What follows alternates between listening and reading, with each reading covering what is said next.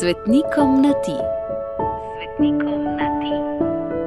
Razmišljanje Gregorja Čušina. Ljubi moj Karl, sveti Janez Pavel II. Bil si mi simpatičen že takoj, ko sem zvedel, da si bil igralec. A si postal duhovnik in škof in kardinal in papež. Gledano zgolj s posvetnimi človeškimi očmi ti je uspelo, naredil si kariero, pristal si v Vatikanu, sedaj kaj več, mislim, znotraj duhovniškega ceha. Če bi ostal zvest igralskemu cehu, bi morda pristal v Hollywoodu, bog veče ne. Vsekakor si bil zvezda, velikega formata, človek za glavne vloge, le da nisi igral. Predvsem pa nisi šmiral, kot rečemo, kadar kdo slabo igra in za vsako ceno všečno publiki.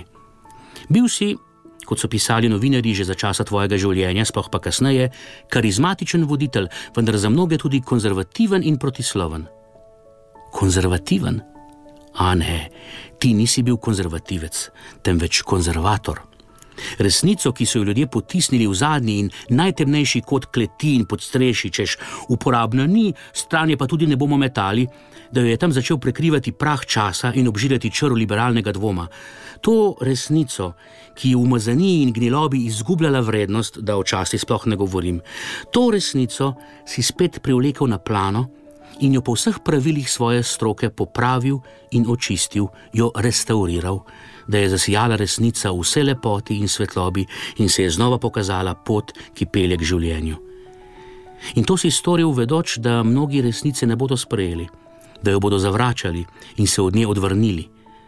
A resnica ni vremenska napoved, danes taka, jutri spet drugačna, odvisno iz katere smeri zapiha veter.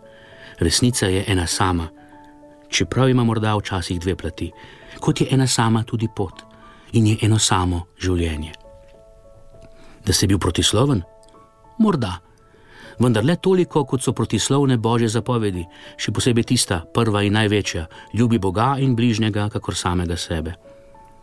Če bi šel v Hollywood, bi brez dvoma dobil svojo zvezdo na bulevarju slavnih, a ti si vedno znal pravilno izbrati in tvoja pot te je res ponesla med zvezde v večno slavo. Obilo žegne za tvoj god, pa nam ga vrni in izli na nas, Gregor.